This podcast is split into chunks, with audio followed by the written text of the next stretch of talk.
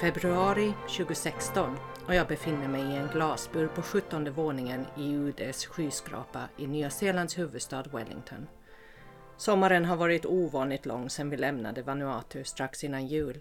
Efter sju veckor med flera mobiltelefoner, dygnet runt bakjour och en supercyklon har jag i sex veckor fått vara helt nedkopplad och bortkopplad från moderskeppets nätverk med alla tillhörande krav på omedelbar respons. Lyxigt och välbehövligt. Mittemot mig sitter min nye chef. Hans grafitgrå hår är militäriskt kortsnaggat. Han ler konstlat. Han har glömt att jag idag börjar mitt nya skrivbordsjobb som hans högra hand med Stilla havsregionen och biståndsstrategier som arbetsområde. 15 minuter in i vårt första möte lutar han sig över bordet och med ett konstigt leende väser han ur en stelfrusen mun.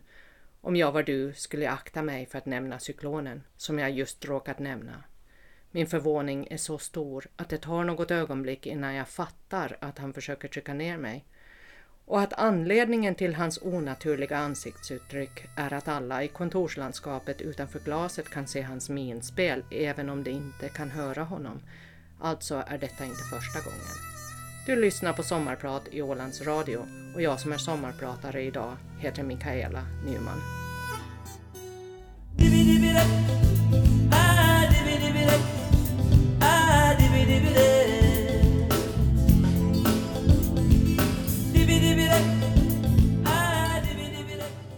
Det var den senegalesiska artisten Ismael Lo med Dibi Dibi Rek från albumet ISO. Idag ska jag ta dig med till Nya Zeeland och Vanuatu med en avstickare till södra Afrika. Det handlar om cykloner, sorg, skrivande och att befinna sig mitt i livet.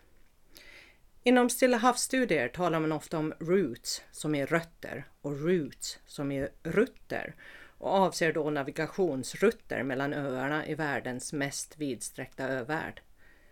Filosofen Epeli Haofa från Tonga hävdade att det är en avgörande skillnad att betrakta Stilla havets övärld som öar i ett vidsträckt hav eller som ett hav av öar. Istället för tusentals isolerade kor korallatoller strösslade över en oändlig havsyta erbjuder Haofa ett holistiskt perspektiv förankrat i regionala och lokala tankemönster. Hans storslagna vision är en sammanlänkad blå värld baserad på relationer och handelsrutter som vävts samman under generationer. Ett kollektivt tänkande som motvikt till synsätt som tenderar att förringa och förenkla öbors existens. Haofas tankar om havet som en förenande kraft liknar min farfars, Valdemar Nymans funderingar. Det skulle haft mycket att prata om, med sitt författarskap strävade Haofa att stärka samhörigheten öbor emellan och förmå omvärlden att tänka om.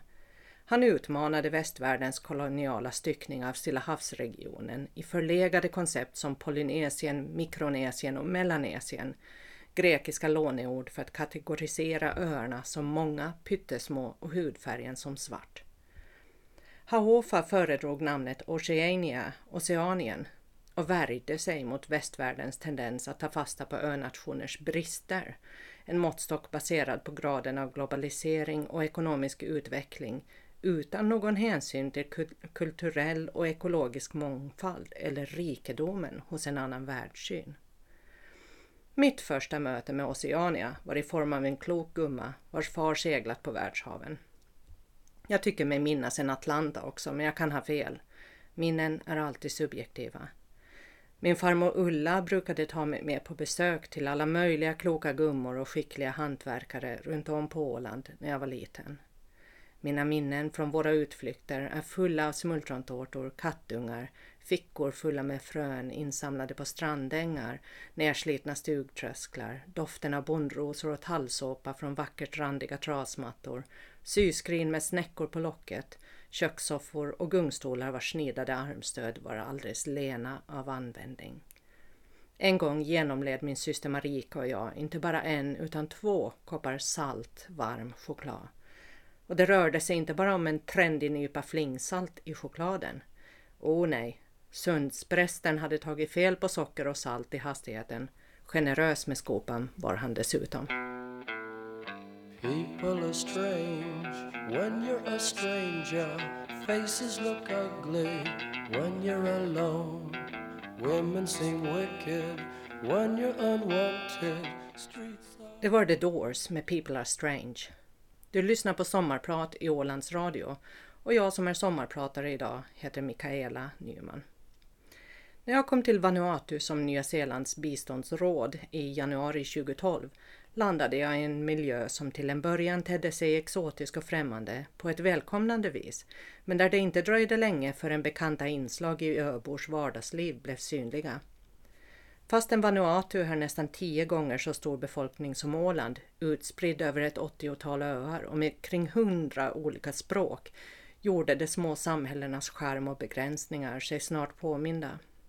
Det handlade om rötter och rutter om den stadiga förankringen till hemmakobbarna och vikarna parad med nödvändigheten att söka sig bort för att få utbildning, jobb, intressanta utmaningar eller hitta en sambo som man inte gick i högstadiet med.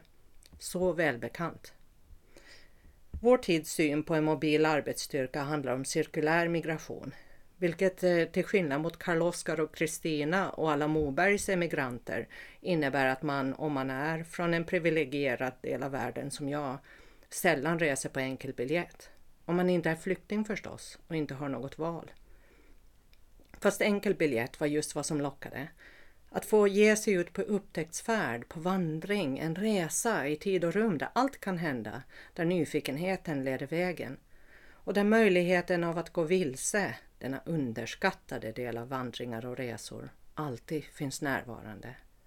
Numera är det nästintill omöjligt att köpa en enkel till Bangkok och låta ödet styra hur man tar sig vidare och sen hem igen.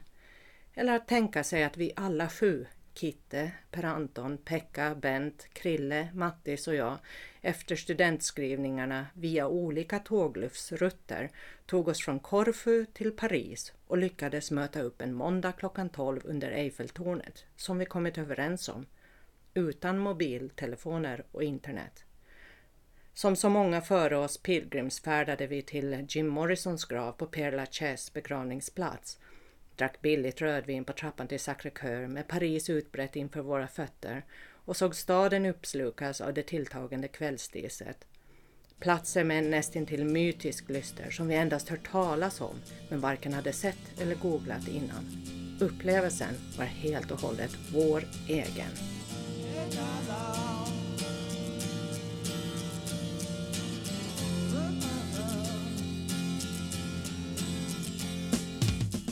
Det var David Bowie med låten Starman. Vi bodde i Schweiz när jag började ettan på ett främmande språk. Som den inbitna lärare hon var skickade farmor bokpaket så jag inte skulle glömma mitt modersmål. På pappas skrivmaskin knackade jag ner långa osammanhängande brev till farfar i vetskapen om att han skulle högläsa den för farmor. Vår korrespondens varade livet ut.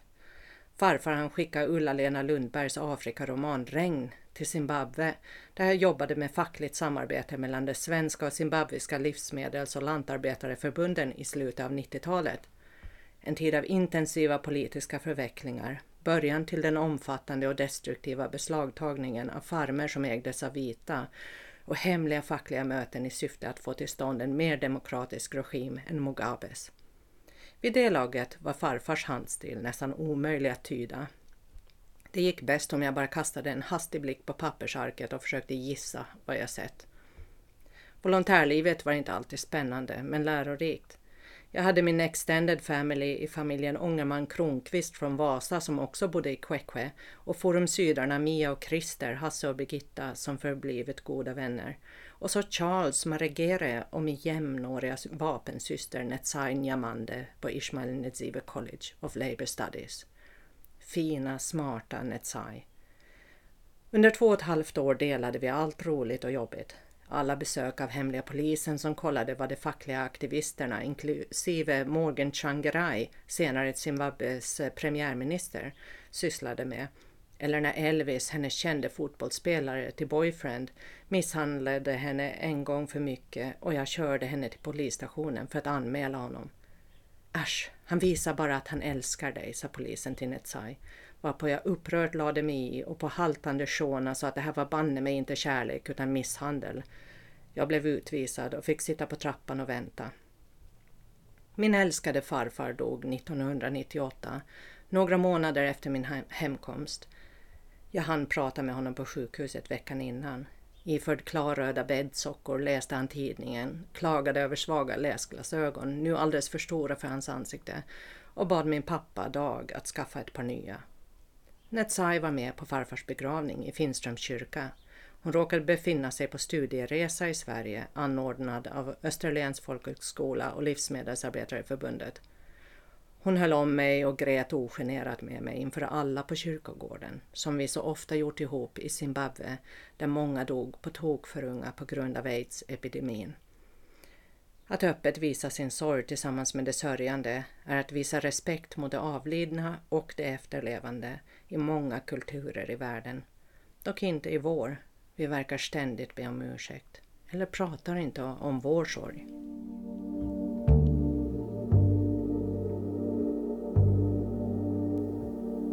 Märk hur vår skugga, märk movits mångfald. Det var Märk hur vår skugga, Imperiet och Åströms tolkning av Bellman, Fredmans epistel nummer 81. Hemresor är inget hinder för en utvandrare så länge det rör sig om Ålandsfärja eller tåg från Lund. Nyfiket vidgar man sin horisont och söker sig allt längre bort. Det handlar ju bara om en biljett, om en mun att mätta. Tid finns även om det är skralt i kassan. Det finns ju så mycket man ska hinna se och göra. Jag har nog alltid velat för mycket. Det skulle behövas flera liv för att hinna med allt jag vill göra. Du är en sån göra-person. Det är mycket lugnare när det bara är Marika och jag. Vi är vara-personer, brukade min mamma Marketta sucka när vi var på stugan i Råväsi och schasade iväg med för att elda bastu, gallra lite granskog, simma, meta eller lägga nät. Så hon fick läsa i fred och bara vara. Med åren inser jag hur rätt hon hade men nu kan jag ju inte ge henne den tillfredsställelsen längre. Mamma dog oväntat 2011, inte ens 70, månaden innan vi skulle fara på utlandspostering till Vanuatu. Jag är evigt tacksam att en kvinnlig chef på utrikespolitiska sidan gav mig tillåtelse tre månader tidigare att skippa ett toppmöte och resa hem med min dotter Emily till min mamma och syster. Det sorgliga var ju att mamma skulle ta hand om min syster som insjuknat i cancer. Det var sista gången jag kramade om mamma. Hon skulle nog bli lycklig att höra att jag blivit bättre på att bara vara mellan allt görande. Även om det fortfarande är en balansgång mellan att varva ner efter intensiva perioder och att föra en existens som känns meningsfull. För tolv år sedan blev jag slumpmässigt utvald att delta i en forskningsstudie om livsval och ånger. Nyfiket tackade jag ja och fick ett formulär att fylla i. Det gick snabbt. Jag hade inget jag direkt ångrade. Möjligen att jag inte tidigare kommit på vad jag ville göra yrkesmässigt. Ibland kan jag undra hur det gått om jag satsat på en konstlinje som jag funderade på i 20-årsåldern. Men jag fick itutat i mig att man ska ha ett riktigt jobb först. Konst och skrivande kan man syssla med på fritiden, som hobby. Om man inte är journalist förstås, vilket jag också prövat på. Men under mina år på Ålandstidningen var det som om skrivådran tömts under dagen och det fanns inte tillräckligt med inspiration över för att skriva annat. Så en dag träffar man någon som man inte vill släppa taget om. På grund av en usel nordisk sommar när temperaturen sällan når över 16 plusgrader vinner södra halvklotet över det norra. Ryggsäcken packas och bopålarna flyttas. Så småningom stilla förundran över att man tillsammans lyckats skapa något större än det vi är och det futtiga avtryck vi lämnar efter oss på denna jord. Av och till trubbas glädjen över att ha bildat familj av en intensiv hemlängtan som får en att falla handlöst genom lager på lager av minnesbilder och händelser som man inte kan prata med någon om längre.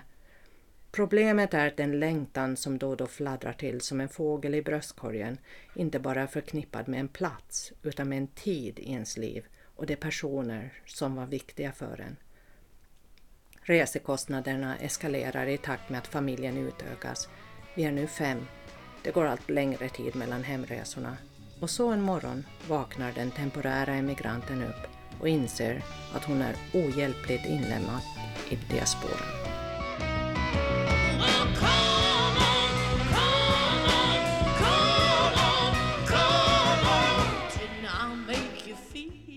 Det var Janis Joplin med Piece of My Heart. Slår man upp Vanuatus tunna telefonkatalog hittar man en karta på de första sidorna. Öarna sträcker sig 1300 kilometer från norr till söder, överlagda med ett raster som ett schackbräde, med bokstäver längs den ena axeln och siffror längs den andra. Detta är den officiella cyklonkartan med koordinaterna som alla radiorapporter hänvisar till under cyklonsäsongen som varar från den 1 november till den 30 april. Eller varar och varar.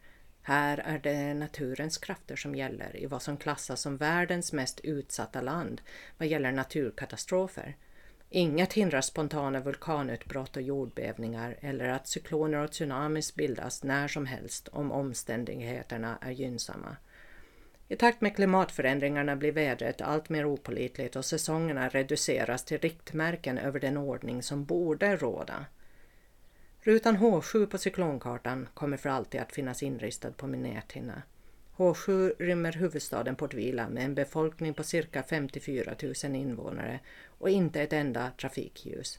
Tjänstebostaden vi hyrde var belägen på kanten av en platå med en vidunderlig utsikt över ön Erakor i en turkos lagun Utombordssnurror knattrade av och an, vilket gav Ålandsvibbar.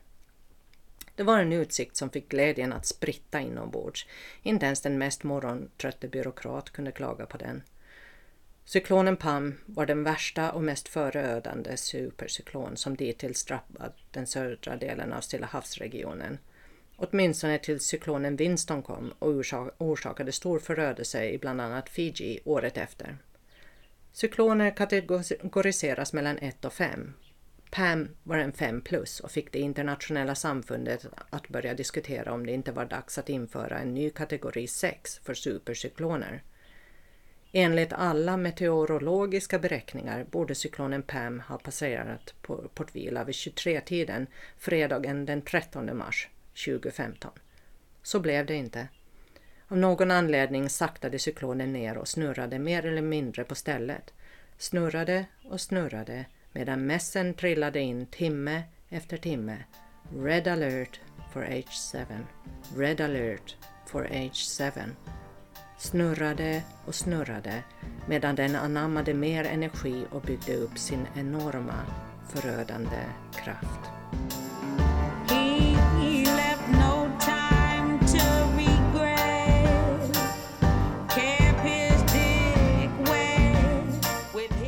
Det var Amy Winehouse med låten Back to Black.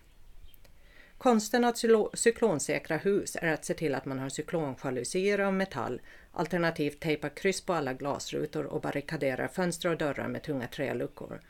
Men det är viktigt att lämna några fönster på glänt så att trycket inomhus kan jämna ut sig när barometern sjunker. Vårt tak kollapsade vid midnatt. Elen hade gått för länge sedan. Natten ylade in och cyklonen bände och slet i sönderriven takplåt och brustna bjälkar. Regnet öste ner som ett vattenfall i vardagsrummet. I pannlampans sken grabbade jag tag i våra sjuåriga tvillingar som sov med sin syster på madrasser på golvet i matsalen och entrén, långt från alla fönster och skjutdörrar, som trots att de var barrikaderade med cyklonjalusier, soffor och bord hotade att poppa ur sina karmar när vinden vräkte sig mot huset. Med vad jag upplevde som övermänsklig kraft vräkte jag killarna över mina axlar och in i den relativa säkerhet som badrumskorridorens cementlabyrint erbjöd.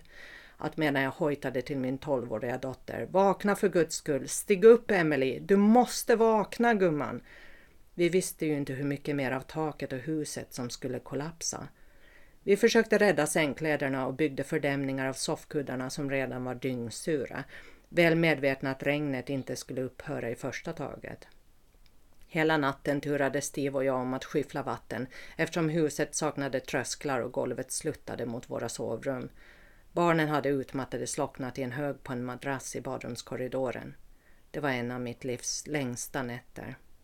Strax innan gryningen tilltog vinden i styrka på ett skrämmande vis.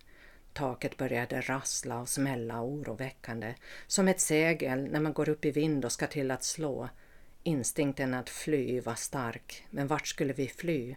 Som tidigare chef för Nya Zeelands humanitära bistånd hade jag allt för ofta bevittnat cykloners nyckfullhet. Vad var oddsen att Pam gjort en kovändning och kommit tillbaka? Yrlandet tilltog. Räcker det inte nu, undrade jag och bad till alla makter jag kunde komma på att vi skulle förskonas.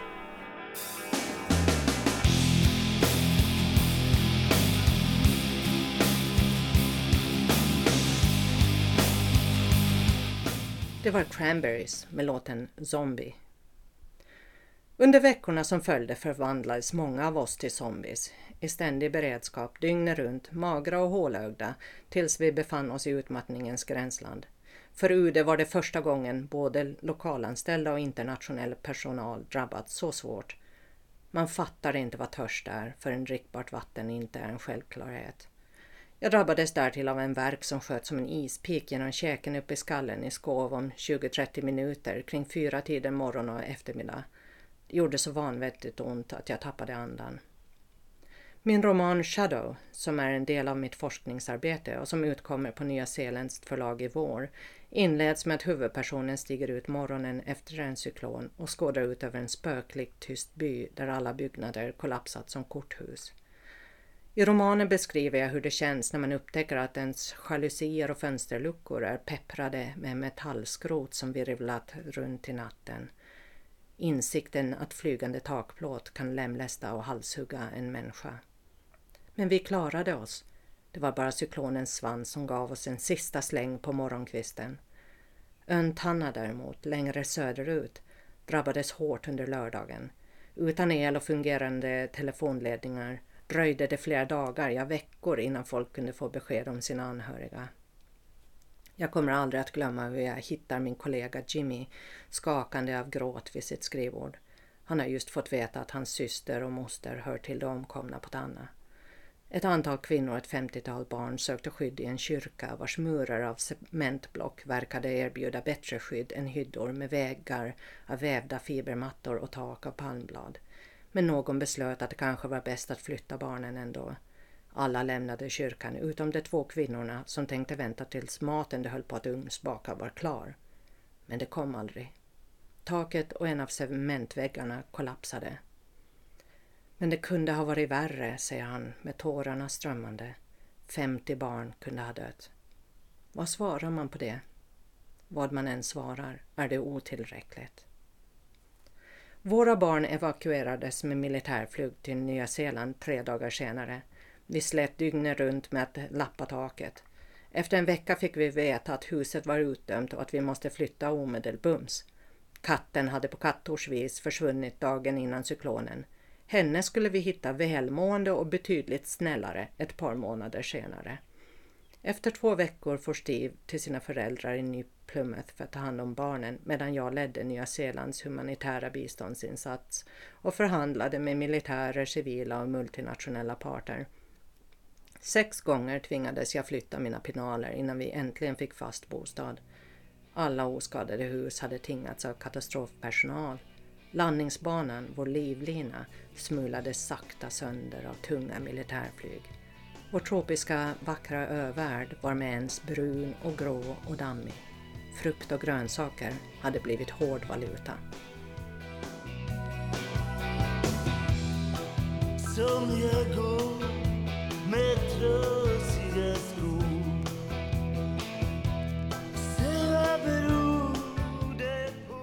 Det var Marie Fredriksson och Eldkvarn, Somliga går med trasiga skor. Du lyssnar på Sommarprat i Ålands Radio och jag som är sommarpratare idag heter Mikaela Nyman.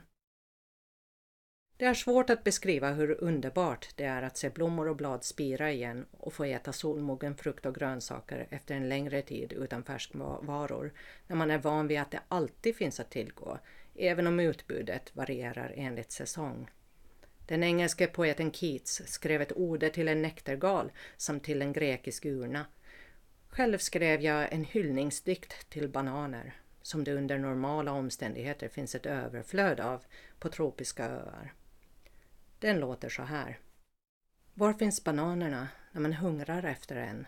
Tar nio månader för örten att skjuta nya fruktbärande skott, tända blommans rödlila lampa, fälla ut tio ringar av gröna fingrar. Tänker på allt som kan inträffa på nio månader. Tänker på alla dem som tänker på allt som kan hända och allt som hänt. Om du visste hur sagolik den första bananen efter en cyklon smakar, som nypressad äppelmust, nypotatis ur eget land, mer än bara stärkelse, vatten, sötma, mycket mer än kalium och tryptofan, lätt syrlig som vildhallon. smakar solregn och livsvilja, löften om att allt kommer att bli bra. Och därför äter vi en till och en till och en till. I hear you're leaving town And I am feeling down Det var nya zeeländska artisten Gin Wigmore med Hey Ho. Mars 2016, ett år efter cyklonen och plötsligt är det inte roligt längre. Det är som om någon dragit ur proppen efter mötet i glasburen med mannen med mycket stort ego som jag inledningsvis berättade om. Vid det laget har han förkunnat att han föredrar positiva unga män i powerkostym som glatt säger ”ja, det fixar jag” även om det invärtes sliter sitt hår. Vi flyttade tillbaks till Wellington lagom till julen 2015 efter fyra fantastiska år i Vanuatu. Pojkarna hade vid det laget tillbringat halva sina liv där. Från tidigare jobb på volontärsändande organisationen Forum Syd visste jag hur svårt det kan vara att komma hem efter flera år utomlands. Organisationer tenderar att lägga mer vikt vid förberedelserna inför utresan än hemkomsten. Min sambo och dotter trodde inte på mig, inte till en början. Jag älskar mitt jobb. Jag gillar att leda team, spåna idéer och hitta lösningar på problem. Och idéerna och lösningarna behöver inte vara mina. Jag ger gärna cred för fantastiskt lagarbete. Jag insåg för länge sedan att man inte kan och inte behöver vara expert på allt. Bara man är villig att lyssna och lära och stödja dem som har bra idéer. Experter kan man alltid få tag i när det behövs. Många av er som lyssnar har säkert någon gång testats för att se om du är introvert eller extrovert, lagspelare eller ensling, en ledare eller inspektör. Tydligen hör jag till fåtalet som är bra på att både starta upp nya projekt och enveten nog att även slutföra dem. Jag har märkt att jag är bra på att koppla samman folk med den talang och expertis som behövs samt hitta resurserna som krävs. Men jag uppmanar alltid mina medarbetare att gå hem vid dagens slut och ta hand om sin familj. Work-life balance, som det heter här, måste vara mer än ett projekt som en arbetsgrupp på tionde våningen sysslar med. Vad jag inte är bra på är att säga till mig själv att vad jag presterat räcker till och att jag borde gå hem. Att sluta fånga allas bollar. Jag får en kick av att lära mig nya saker, möta spännande människor och hantera komplicerade projekt i samarbete med andra. Adrenalinruset när man tillsammans lyckas åstadkomma något som är bra i andras ögon och som faktiskt behövs. Innan vi lämnar Vanuatu kopplar en gudabenådad tandläkare samman smärtan i käke och skalle med en tendens att bita ihop käkarna hade jag gnisslat tänder hade snedslitna bettytor avslöjat läget för länge sedan. Samma natt vaknar jag av en ljudlig smäll och inser att det var mina käkar som smällde ihop så tänderna skallrade. Inte undra på att tänderna varit så ömma att jag knappt kunnat äta. Det blir bettskena om nätterna och långsamt lindras smärtan. Varje gång jag ser en hårdkokt tuffing spänna musklerna på film undrar jag om någon pratat med honom, för det är oftast en man om bettskenor. Alla högpresterande kvinnor på mitt jobb har bettskena Micke, kommenterar en kompis efter några tandläkarkommentarer på Facebook. Jag önskar att jag vetat det för länge sedan. Det är sånt man behöver systrar till.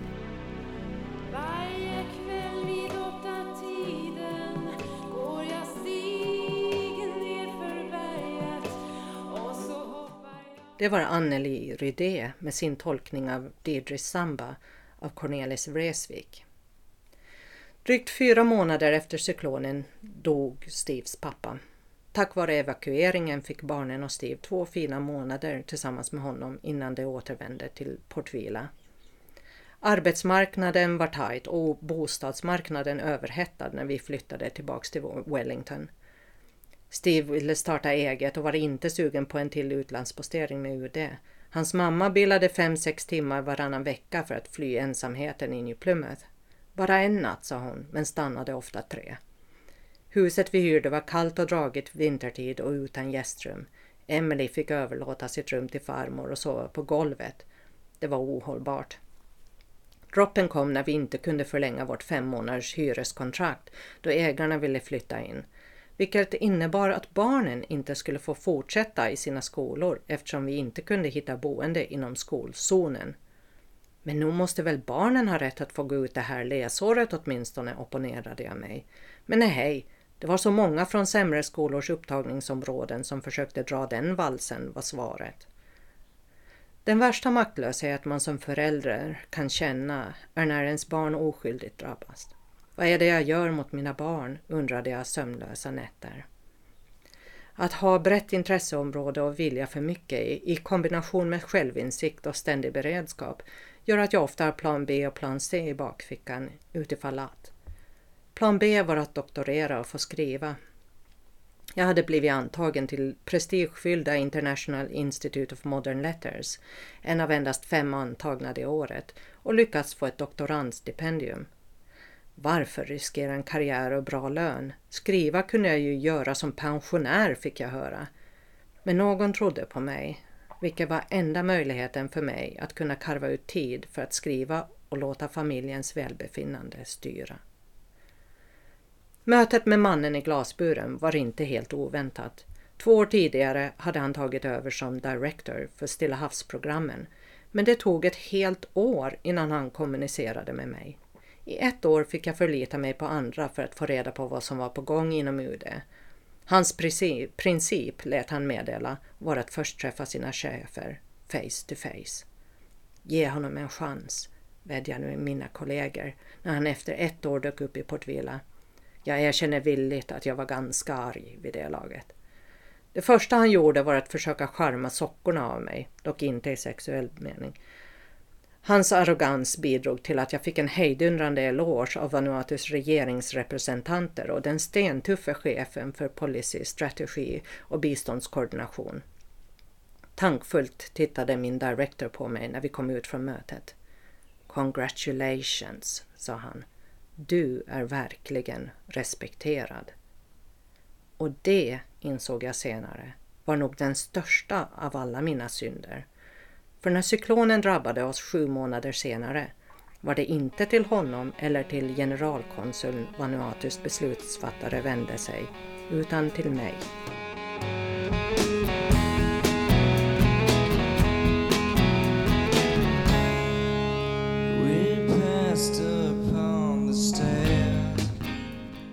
Det var Nirvana med The Man Who Sold the World. För några veckor sedan kom jag hem, slut men lycklig av gensvaret till ett poesievenemang jag arrangerat i Portvilla med poeter från Vanuatu och Solomonöarna samt en presentation av min forskning på Nationalmuseet. Berusad av den kollektiva glädje, energi och, ja, kärlek som jag mött. Aldrig hade jag trott att något så pass själviskt som att doktorera i kreativt skrivande i kombination med Stilla havsstudier skulle generera så mycket inspiration och vara till glädje för andra. Det talas nu om en ny våg av författare och litteratur från Vanuatu. Att vi tillsammans skriver kvinnohistoria. Det är härligt att få jobba med likasinnade, att bryta ner murar och hjälpa andra att hitta vad de brinner för. För det här handlade ju aldrig bara om mig. Den nigerianska författaren Chimamanda Ngozi Adichie varnar för riskerna med den enda storyn. Den definitiva berättelsen som fastslår hur något bör tolkas och därigenom riskerar att reducera och förenkla mångfalden av röster och kulturer till stereotyper. Min roman, Berättar ur flera kvinnoperspektiv, är bara en av många berättelser. Det är min version mitt hopp är att den ska inspirera alla de skrivande fantastiska kvinnor jag mött i Vanuatu att skriva sina egna berättelser ur ett lokalt perspektiv som aldrig kan bli mitt. Min handledare Teresia Teaiwa sa att Stilla havsregionen inte kan målas med ett enda penseldrag. Teresia som inspirerade och banade väg för så många kvinnor dog hastigt i cancer under mitt första doktorandår. Jag var lyckligt lottad att Palamolisa, politisk aktivist, poet och son till Vanuatus nationalpoet Grace Meremolisa, som gick bort 2002, lät sig övertalas att ta över. Det har varit en spännande upptäcktsresa genom kvinnors yttrandefrihet, sårbarhet, maktperspektiv, litteratur och konst. Det har fått mig att våga mera i mitt skrivande. Professor Damien Wilkins, chefen för min institution, har kallat mig litterär aktivist då jag frångått den traditionella närläsningen av en eller två texter och gett mig ut i verkligheten. Med så lite publicerad skönlitteratur att tillgå kändes det rätt att istället synliggöra skribenter som varit ovetande om varandras existens och bidra till att skapa ny litteratur genom att dra skrivarkurser, intervjua skrivande kvinnor och samarbeta med poeter i Solomons, Vanuatu och Fiji. Våra alster har ställts ut på lokala konstgallerier, lästs inför publik och skickats till litterära tidskrifter. Och det bästa av allt är att vårt samarbete inte behöver upphöra i och med att min avhandling är klar. I efterskott inser jag att vi inte gavs något val, min director och jag. Jag måste ha varit hans värsta mardröm. En mogen kvinna med mer biståndserfarenhet än han, som kan sitt jobb och inte är rädd att yttra sig åt andra i försvar. Jobbet hade specialsytts för mig medan vi inväntade ytterligare en segdragen omstrukturering. Ingen av oss skulle självmant ha valt att leka tillsammans i hans sandlåda och dela hans hink och spade. I will tell your story if you die Det var Lale med Samda Young. Jag är övertygad om att man lär sig lika mycket av motgångar som av medgångar men att både min mamma och syster dog inom tio månader, det kändes orättvist. Jag hade äntligen bra jobb och stor bostad och vi planerade att det skulle komma till oss i Vanuatu i samband med mammas 70-årsfirande. Men vi hann aldrig. Och i och med att familjebanden kapades befann jag mig plötsligt inte på äventyr längre, utan på drift. Vi tog farväl av Wellington och flyttade till New Plymouth för att Steves mamma åtminstone skulle få ha barn och barnbarn kring sig och Steve satsa på eget företag. I tre år har jag pendlat till universitetet i Wellington var sjunde vecka och couchsurfat hos vänner och före detta kollegor som blivit goda vänner. Det har varit ett förvånansvärt lättsamt och prestigelöst umgänge av det slaget man hade innan barnen. Något jag saknat. Så stressfritt efter UD. Långvarig stress och trauma sätter sina spår. Det tog nog ett år innan texterna jag studerade fastnade och började sjunka in. Jag hade svårt att sitta stilla och finna ro. Van att ständigt vara på språng från möte till möte, superfokuserat snabbläsa, snabbanalysera, kvalitetskontrollera andras arbete, medla och besvara hundratals e-mails varje dag. Jag tycker om att ha dig hemma mamma, sa pojkarna flera gånger i veckan. Det värmde in i hjärteroten när tillvaron lunkade lite väl sakta för min smak. Jag brukar arbeta med laptopen i knät i vardagsrummet och hojta ”Kan ni dra ner på volymen? Mamma jobbar!” när det inte längre går att ignorera tvn, radion, datorspelandet och kaoset i köket. Med en lugnare livstakt hann sorgen slutligen i kapp. Och enda sättet för mig att bearbeta den var att skriva mig ur den det handlade lika mycket om att skriva mig tillbaks till mitt eget språk som jag var rädd att jag förlorat. Mina anhöriga var inte förtjusta. Men den enda som sade något var min farbror Sverker som försynt undrade Tror du att du orkar det, Micke? Men det var inte frågan om att orka. Det var något jag måste göra. I januari 2018 återkom smärtan i käke och skalle med våldsam styrka och konsumerade fyra månader av mitt liv medan kroppen förgiftades. Jag hade flera sjukdomstillbud samtidigt. Utan pappas uppmaning att söka akutläkare och tandhjälp, för nu var det farligt, hade jag nog inte fått det fixat.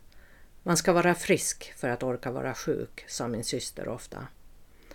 En hårfin lodrätt spricka i en tand som inte syntes ens på röntgen hade förorsakat så många år av elände. Mitt i detta kom ett e-mail från Ellips förlag. Ralf Antbacka hade tagit sig tid att läsa mina systerdikter och lyfte fram bitar som han tyckte fungerade. Han uppmuntrade mig att återkomma när jag skrivit färdigt. Jag är evigt tacksam att han tog sig tid och var så varsam i sina kommentarer. För första gången fick jag en aning om vad som funkade i mina dikter. Det var allt som behövdes för att jag skulle kasta mig in i ett intensivt fyra månaders skrivarrus.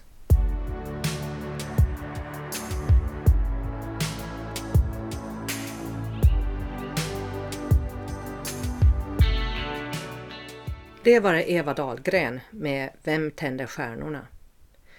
Jag befinner mig än en gång vid ett vägskäl. Avhandlingen är klar, framtiden ter sig ljus om än osäker och kalendern är relativt tom. För första gången på flera år har jag en trevlig anledning att åka hem till hösten. Jag ska medverka i Helsingfors bokmässa och prata om min diktsamling. Tack till alla er som läst mina dikter och tack till alla generösa och empatiska recensenter. Det har verkligen varit omtumlande att få ett sådant positivt gensvar. Det hade jag inte väntat mig. Jag hade ju inte precis någon plan i tanken när jag började skriva. Och tack till Ralf Antbacka och Katarina Gripenberg på Ellips som trodde på mig och mina dikter. Jag hoppas att min, mina barn en dag ska kunna läsa den och inse att oj, det var perioden då mamma höll på att jobba ihjäl sig. Och kanske förstå att anledningen till att mamma var så arg och bitchig och tråktrött en tid var inte för att hon är sån som person utan för att hon var väldigt, väldigt ledsen. Lisa sa en gång att jag var karriärskvinna, vilket storligen förvånade mig. Det kanske ter sig så i efterskott, men jag har alltid valt det som intresserat mig, det som känns rätt och meningsfullt. Så om det är någon som lyssnar som just nu befinner sig i ett vägskäl i livet, våga lyssna på din egen inre kompass. Barnen stortrivs och håller på att växa upp till smarta, roliga och självständiga världsmedborgare som är stolta över sitt dubbla medborgarskap och vet att det finns en hel värld utanför vår kustremsa. En värld där inte alla har det lika bra som vi materiellt sett men i andra avseenden kan hända är mycket rikare. I dikten Inner Compass leker jag med tanken att min anfader kom hit med Pamir julen 1940 och drack öl med Steves morfar bland valfångarna på Breakwater Hotel. Dikten hamnade i antologin More of Us, dikter skrivna av 46 personer som kommit till Nya Zeeland som immigranter eller flyktingar. In i det längsta tvekade jag. Ville jag verkligen bli stämplad som immigrantpoet? Samtidigt är, samtidigt är det konstigt i ett land som upplevt brittisk koloni, kolonisering och så mycket arbetsrelaterad migration att man tenderar att tänka på flyktingar och immigranter som mindre bemedlade, det som kommit nyligen och ofta då från Asien eller Stilla havsöarna. Som om immigranter är en homogen grupp. Det medför en press att prestera och bevisa att vi minsann bidrar till samhället, socialt, ekonomiskt och kulturellt. More of Us lanserades till stort pådrag på Race Relations Day, sex dagar efter den fruktansvärda moskémassakern i Christchurch då 51 människor dog och lika många skadades.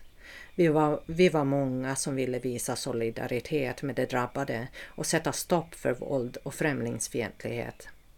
I samband med boksläppet intervjuades jag på radio och talade om värdet av kulturell mångfald och vikten av att alla barn får lära sig om olika religioner i skolan, vilket de inte gör här. Det är faktiskt inte rocket science. Jag nämner detta för att vi inte kan veta hur det vi skapar hittar sin plats i världen eller hur andra värdesätter det. Vi är olika funtade och går genom olika faser i livet. För mig som kvinna och immigrant var studier enda sättet att legitimt få kliva av ekorrhjulet en stund för att få tid att fördjupa mig och skriva. Jag vet inte hur det är i Norden, men här frodas åldersdiskrimineringen. Arbetsgivarna behöver tänka om. Vi är fler och fler som fått barn senare i livet och som inte är villiga att offra familj för en karriär, mer än vi redan gjort. Medan andra börjar tänka på pension befinner vi oss fortfarande mitt i skolskjutsandet, läxläsandet, basketboll och hockeyträningarna och behöver en ordentlig inkomst. Men familjen och livet kommer först. Karriärer är varken spikraka eller livslånga längre.